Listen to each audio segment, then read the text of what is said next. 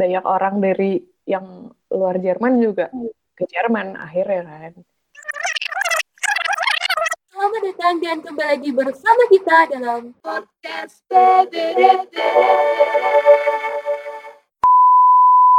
obrolan viral milenial. Jadi nggak apa-apa ini, Mbak. ikut. Cari kenalan gampang nggak di sana? Yang kayak orang bukan orang Indonesia. Mhm. Kayak sosialisasinya gitu, Mbak. Kalau orang Indonesia gampang PPI. Kalau luar, orang- Sebenarnya, hmm, kamu yang harus nge-approach mereka sih. hmm, karena ini nggak ya, mereka lebih sering hidupnya gue-gue lolo gitu ya. Iya. Cuman kalau jurusan aku tuh kebetulan banyak orang asingnya juga. Ya balik lagi ini tuh kayak jurusan aneh, jurusan baru. Jadi kayak banyak orang dari yang luar Jerman juga ke Jerman akhirnya kan. Ke dosen juga berlaku nggak, Pak? Ya, menjalin kedekatannya gitu. Apa dosen cuma hanya bisa ditemui waktu kelas gitu? Kalau di luar kelas agak susah. Eh enggak kok setiap dosen itu ada namanya kayak kayak jamnya dia buat kayak Konsultasi Oh, aku bisa pelajaran gitu ya. ditemui eh, selain jam pelajaran kayak jam konsultasi gitu loh. Jadi kayak kalian ntar bikin appointment, terus eh, ngobrol. Misalnya kalian ada kesusahan apa juga ngobrol karena kalian juga setiap mahasiswa itu nanti punya satu mentor. Hmm. Aku tuh nanti ada mentornya dan itu dosen. Nanti kalau kalian ada kesusahan apa atau misalnya kalian mau ngambil modul ini tapi ada modul yang prasyaratnya tuh belum lulus tapi kayak kalian harus banget ngambil modul ini gitu biar kuliahnya nggak tambah keteteran. Nah, kalian harus eh, izin dulu ke mentor, ngobrol dulu sama mentornya kayak gitu. Target kamu apa sih kayak gitu. Nah, tadi kan kita udah ngomongin dosen. Terus dosennya juga terbuka buat mahasiswa siapa aja di jam-jamnya ya. Nah, ini ngaruh sama susah enggaknya ujian nggak sih, Mbak? Jangan-jangan terbuka susah atau emang sebenarnya susah? Susah kok. Ujian mana ada yang gampang. Ujian hidup aja susah loh. Ya harusnya emang lebih susah sih. Maklum. Bagi quarter life crisis ya, ya ampun. Kalau nilainya sendiri pakai ini Mbak, IP gitu nggak? Maksudnya empat skalanya sama nggak? Eh, Atau skalanya tapi empat juga ya? balik. Kalau di Indo kan 4,0 paling bagus. Hmm. Nol Di. Jerman itu dari Rusia Pokoknya lulus itu kalau nilainya dari 1 sampai 4. Tapi kalau nilai udah 4, sekian, nah itu nggak lulus. Boleh ini Mbak, dijelasin lagi Mbak, nilainya gimana tuh ngitungnya? Gue masih nggak, masih bingung kalau kayak dapat nilai satu dapat dari mana nih? Mm-mm. Oh, mungkin ini nih kalau di Indo kan A, B, C, D, E. Nah, mungkin itu diganti angka paling ya. Iya, ABCD-nya dia. Jadi gini, ada nih kan eh, nilainya 1,0 sampai 1,5 itu pros, persentase poin kita benar di ujian itu dari 100 sampai 87,5 persen. Itu kayaknya nilai A. Bener, mirip berarti. 1,6 sampai dua setengah itu persentase kita lulusnya itu 87,4 sampai 72,5 persen. Terus em, 2,6 sampai 3,5 itu kita lulusnya 72,4 sampai 57,5. Terus 3,6 sampai 4,0 itu 57,4 sampai 50 persen. Nah, di bawah kalau kita nggak nyampe 50 persen, nilai kita langsung 5. Oh, Oh ya, kalau nggak lulus langsung E. Mm. Tapi ini di Jerman aja atau di Kampus yang Mbak aja? Di Iya, Jerman. di kamp- oh, Jerman. oh, Jerman sistemnya satu tuh yang paling bagus. iya iya, iya. gue baru tahu. Kalau dibalik gitu ya. Dan dia berarti sistemnya tuh membuat minimal mahasiswa ini paham setengah persen dari materi itu kan?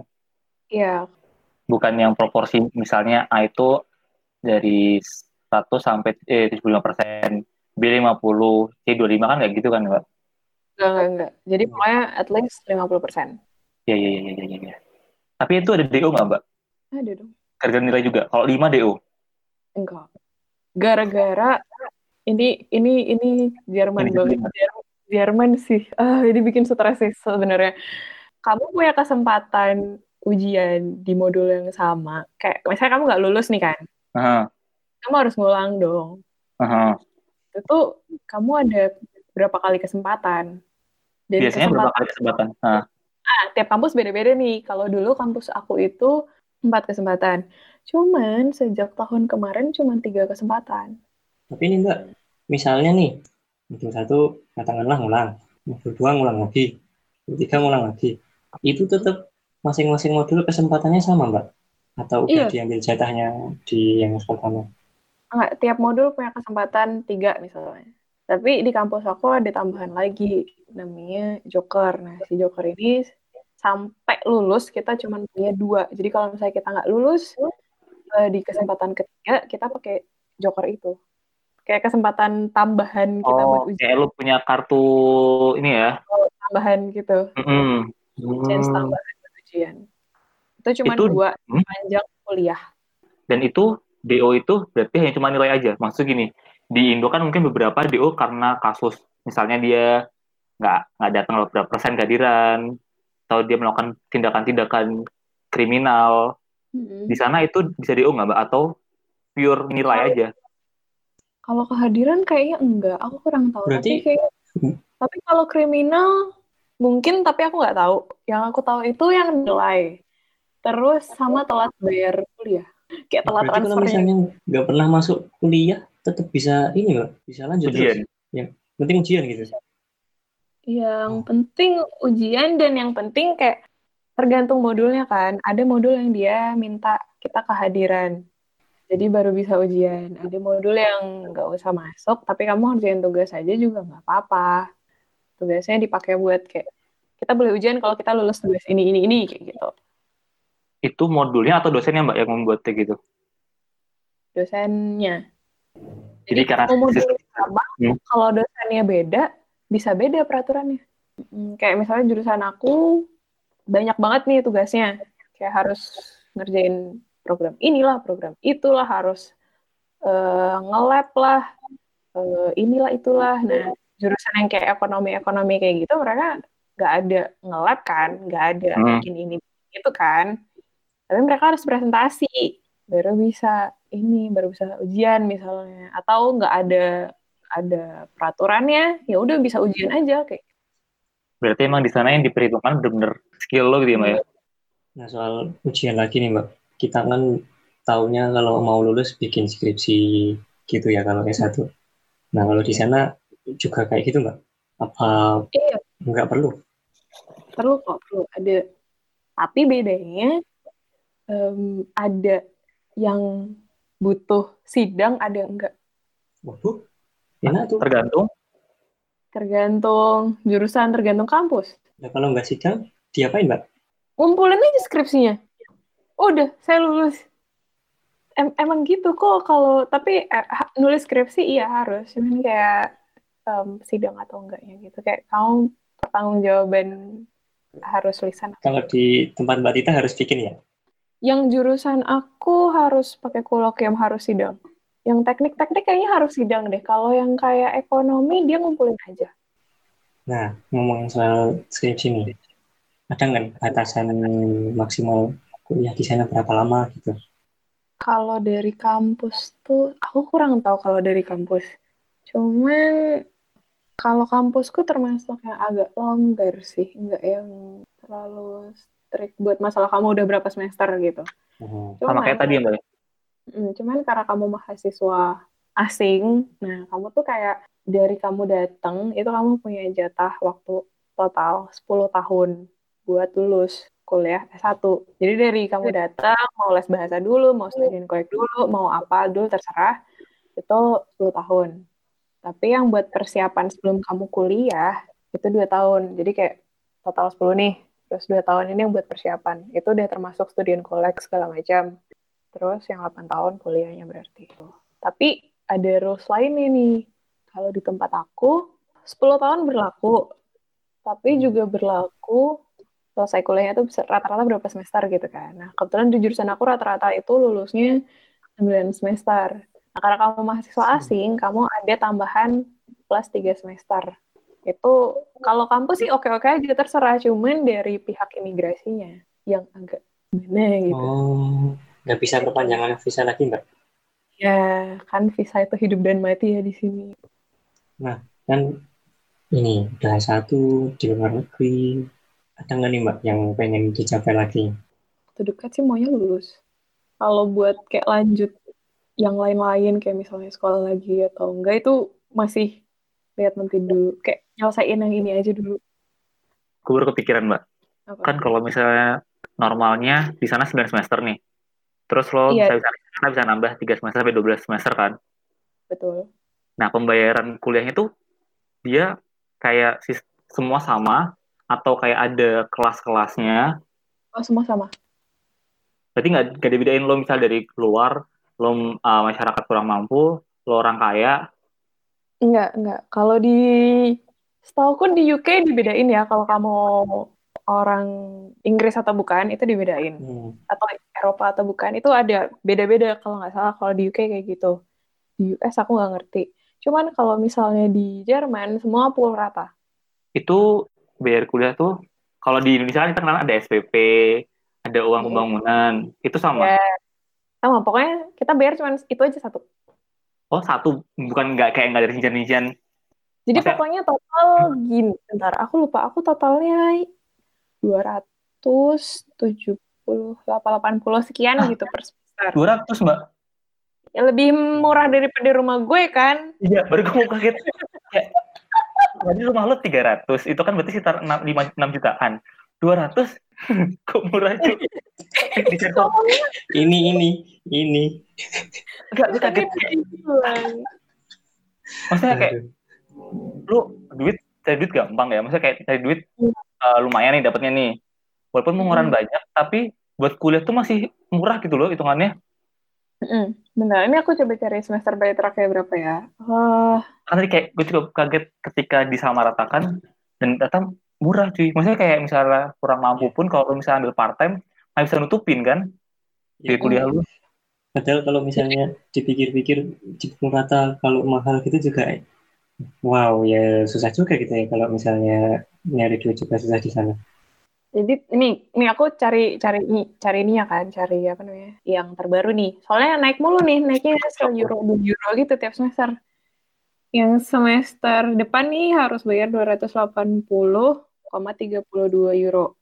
Itu rinciannya 83 euro buat student Denver, 13, sekian buat student shaft. Nah, yang paling penting yang ini 132,95 Untuk semester tiket.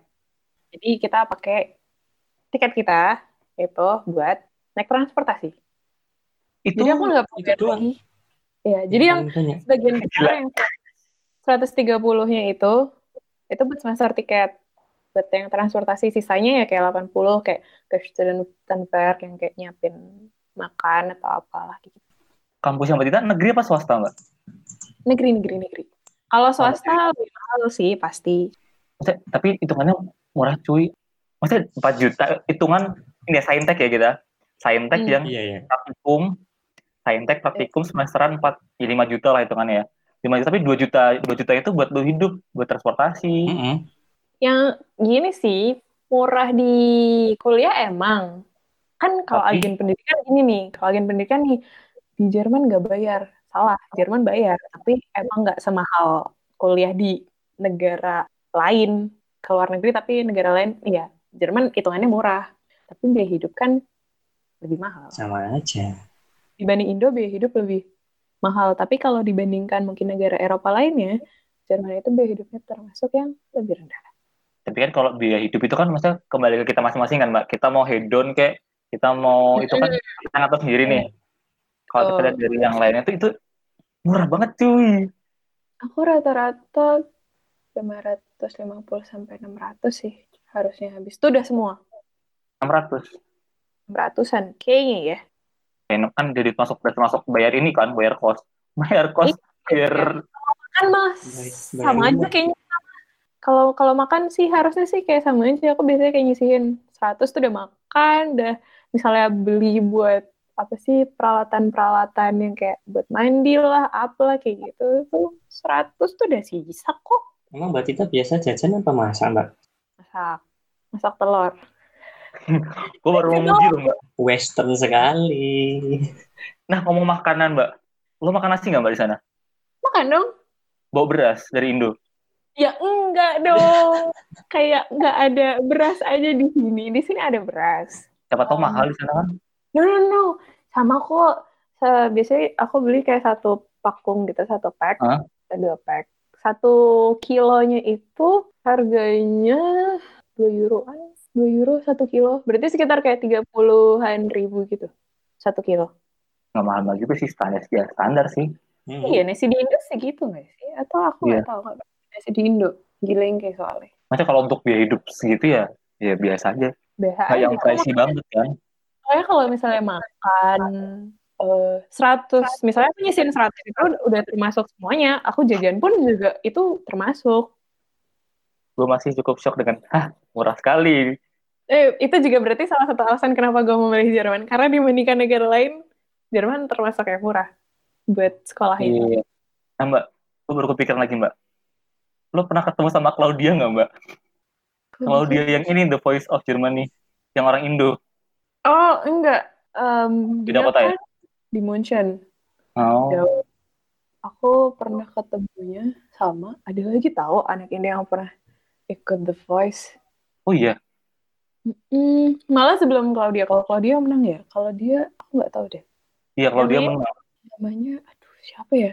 Anak kebetulan nggak jauh, anak Darmstadt atau anak Frankfurt gitu. Karena Frankfurt dari tempat aku kayak cuma 45 menit sampai sejam gitu naik kereta, jadi dekat. Pernah sihnya ketemu sama itu, karena itu kayak temennya temanku. Cowok, aku lupa namanya siapa.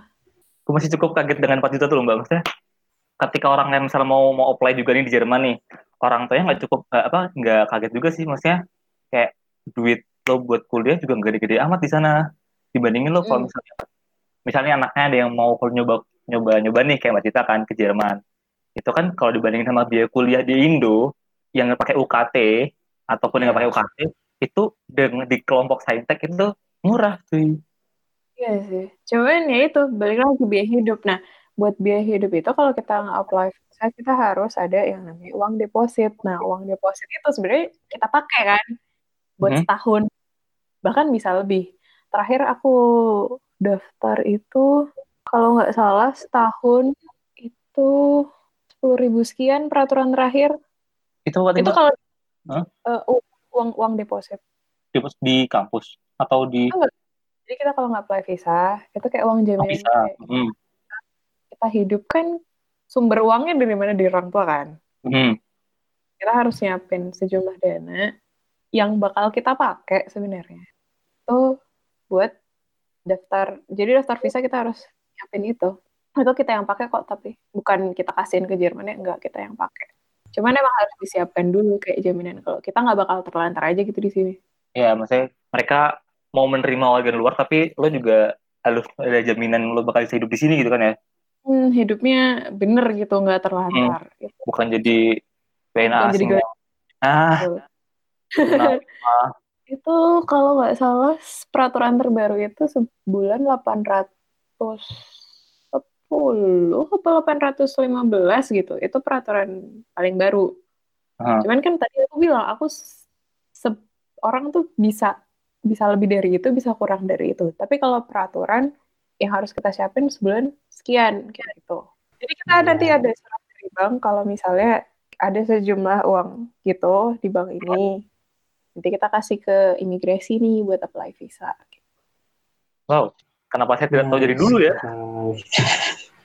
begitu kan gue Saya menyesal ini. Nggak kuliah di. Jerman. saya tidak menyesal Jangan disesali. iya diikhlaskan ya mbak ya. Aske. Masih ada sepertiga malam yang lain. betul Oh, kok balik seperti gak malam lagi? loh kan kita ini mbak warga-warga nokturnal Iya sih, aku juga nonton. tapi aku juga merasa loh mbak ketika umur 20-an tuh kayak mulai nokturnal mulai quarter life crisis. Kembali lagi quarter life crisis. Salah tema kayaknya. Iya nih, salah ini. tapi itu maksudnya kayak gue tidak pikiran dengan hal kayak gitu dulu kayak yang murah banget biaya hidupnya terus rumah rumah yang lewat lantai-lantai disewain. Winter lama bener lu kan sana. Kalau puasa pas winter sepertiga malam. dong. Lama, bentar lah. sepertiga malamnya masih lama. Oh, Ya, aku jam di telepon mama dibangunin juga masih bisa sholat tahajud. nah iya kan Kuliah jam apa? iya mbak kuliah tetap jam 8 berarti Oh, jam 8. itu nggak nggak pagi buta ya kalau lu jam 7 Loh, masih baru terbit matahari kan jam 8 Iya. baru.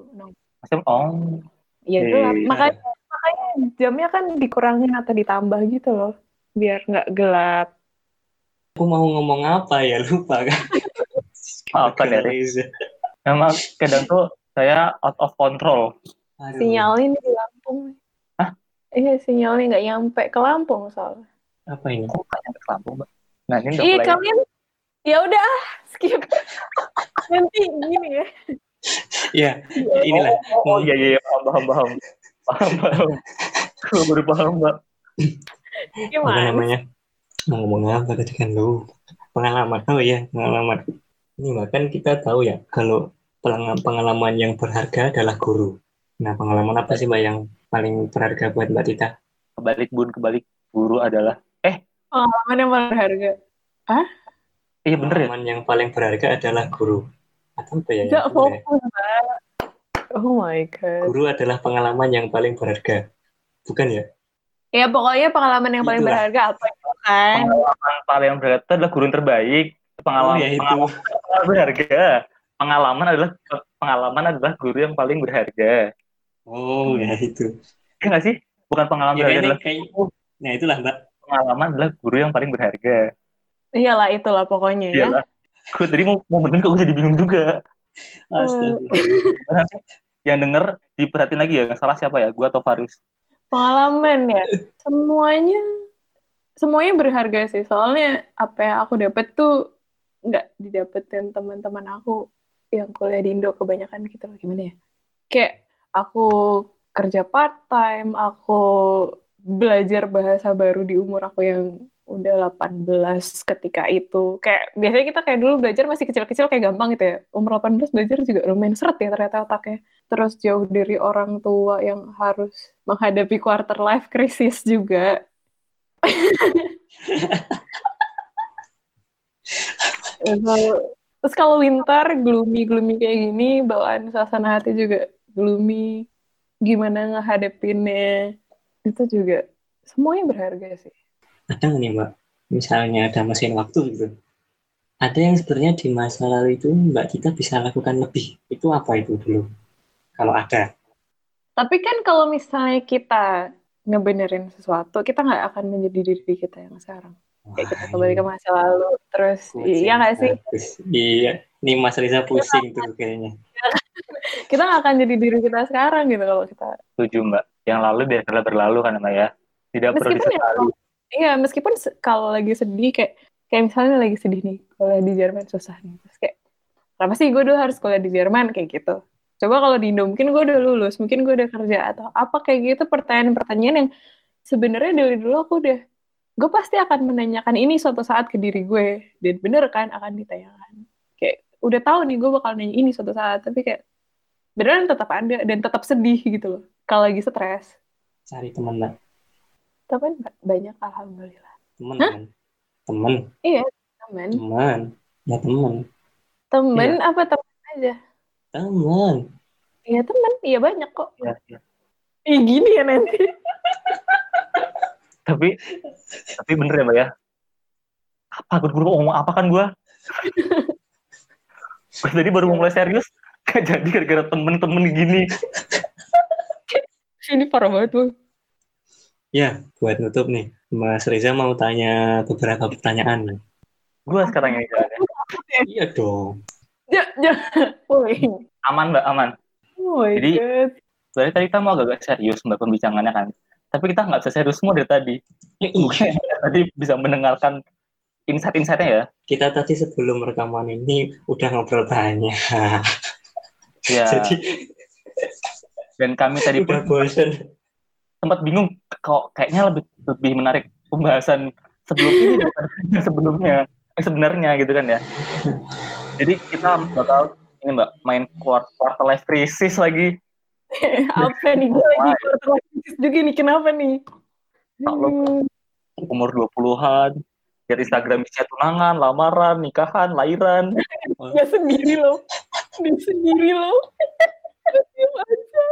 Ini kan kelihatan ngomongin apa yang menarik.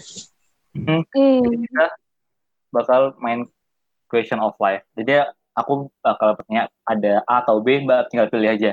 Contohnya nih, Faris apa Rija? Pak Arif. Tiga malam saya terkabul. Malam. Kan nggak bisa memilih di antara kalian loh, adik-adikku. Coba, yang pertama, Jerman atau Indo? Indo, Indo. Nikah apa lanjut kuliah? kuliah, Kerja di Jerman atau di Indo? Jerman. Ini gue salah baca nggak sih? Kayaknya salah deh. Terus yang berikutnya, yang berikutnya Mbak, yang pertanyaannya adalah nambah anak atau lanjut studi? Apa? Oh, salah Coba. deh. Itu pertanyaannya. Makanya kok nambah anak atau lanjut studi? Ini ada salah catatan ini. Berarti akan memilih lanjut kuliah dan kerja di Indo ya Mbak? ya? Iya nggak sih tadi? Jer- Jer- Jerman. Iya. Eh bukan Oke. kerja di Jerman. Kenapa Mbak Jerman? Karena balik lagi ke jurusan saya yang agak aneh ini, Adanya aja. sebenarnya ada dan sebenarnya bisa bioinformatika itu bisa masuk ke mana aja. Cuman kayak agaknya akan lebih gampang untuk di sini. Mungkin nggak ngerti ya, aku kurang masih kurang. Tapi kemarin summer aku kayak ditanyain pertanyaan kayak gini kan sama temanku, kayak mau kerja di mana kayak gitu-gitu. Jawaban aku nggak pengen di Jerman tapi juga nggak pengen di Indo. Baik, di negara berikutnya pasti kita bikin podcast lagi.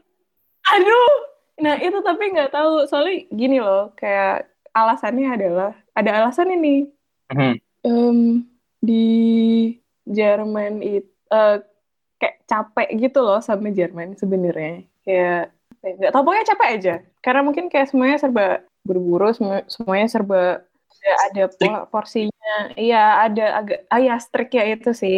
Agak ketat peraturannya atau apa segala macam kalau di Indo kan feel-nya tuh kayak Wallace gitu ya santuy. Nah di Jerman tuh nggak yang kayak gitu suasananya. Tapi hmm, kamu mau mencari negara yang kayak kayak basic buat kehidupan gitu kayak kesehatan pendidikan yang semuanya tuh terjamin dan gampang lainnya Jerman tuh di mana Oh, karena kalau misalnya bilang "Oh, aku mau kerja eh, di US misalnya misalnya. US itu buat kesehatan mahal banget. Terus pendidikan pun juga mahal. Tapi eh, ngo- ngomongnya enak nih pakai bahasa Inggris. Gue lebih enak ngomong pakai bahasa Inggris daripada bahasa Jerman. Tapi tetap aja basic buat livingnya mahal. Bukan lumayan lagi mahal banget. Sebenarnya aku masih pengen lanjut Mbak ngobrol-ngobrolnya. Tapi mungkin tidak, tidak di forum ini karena tidak pantas untuk masuk di podcast ini. boleh Gawat ini. gawat nih sepertiga malamnya dia janjian Riz bukan kamu Ini gue basa-basi Mbak. Tuh kan gue ngomong basa-basi dia kan. Ah, parah salah nih tadi ngobrol dulu kita Bukan Kenal. orang sama Mbak Tita udah kenal kok. Iya. kalau lu kalau kenal, gue kenal Mbak Tita itu nggak jadi closing kita, closing dulu ya Mbak ya. Closing dulu, kita closing dulu, closing dulu. Closing dulu ya, closing dulu. Oke, terima kasih buat yang telah mendengarkan kita selama kurang lebih beberapa jam ini. Terima kasih buat Mbak Tita juga yang sudah meluangkan waktunya untuk ngomong-ngomong dengan kita, ngobrol-ngobrol dengan kita. Yups, sama-sama. Gue jadi ketawa. Parah ini. Kayaknya karena narasumbernya juga sama, jadi kita Maaf, Ya, narasumbernya Ren. semoga bermanfaat info kali ini terkait pendidikan kul- kuliah di luar negeri. Silakan ditunggu episode-episode berikutnya yang juga tetap menarik dengan teman-teman, kakak-kakak, rekan-rekan milenial. See you next time. Assalamualaikum warahmatullahi wabarakatuh. Podcast.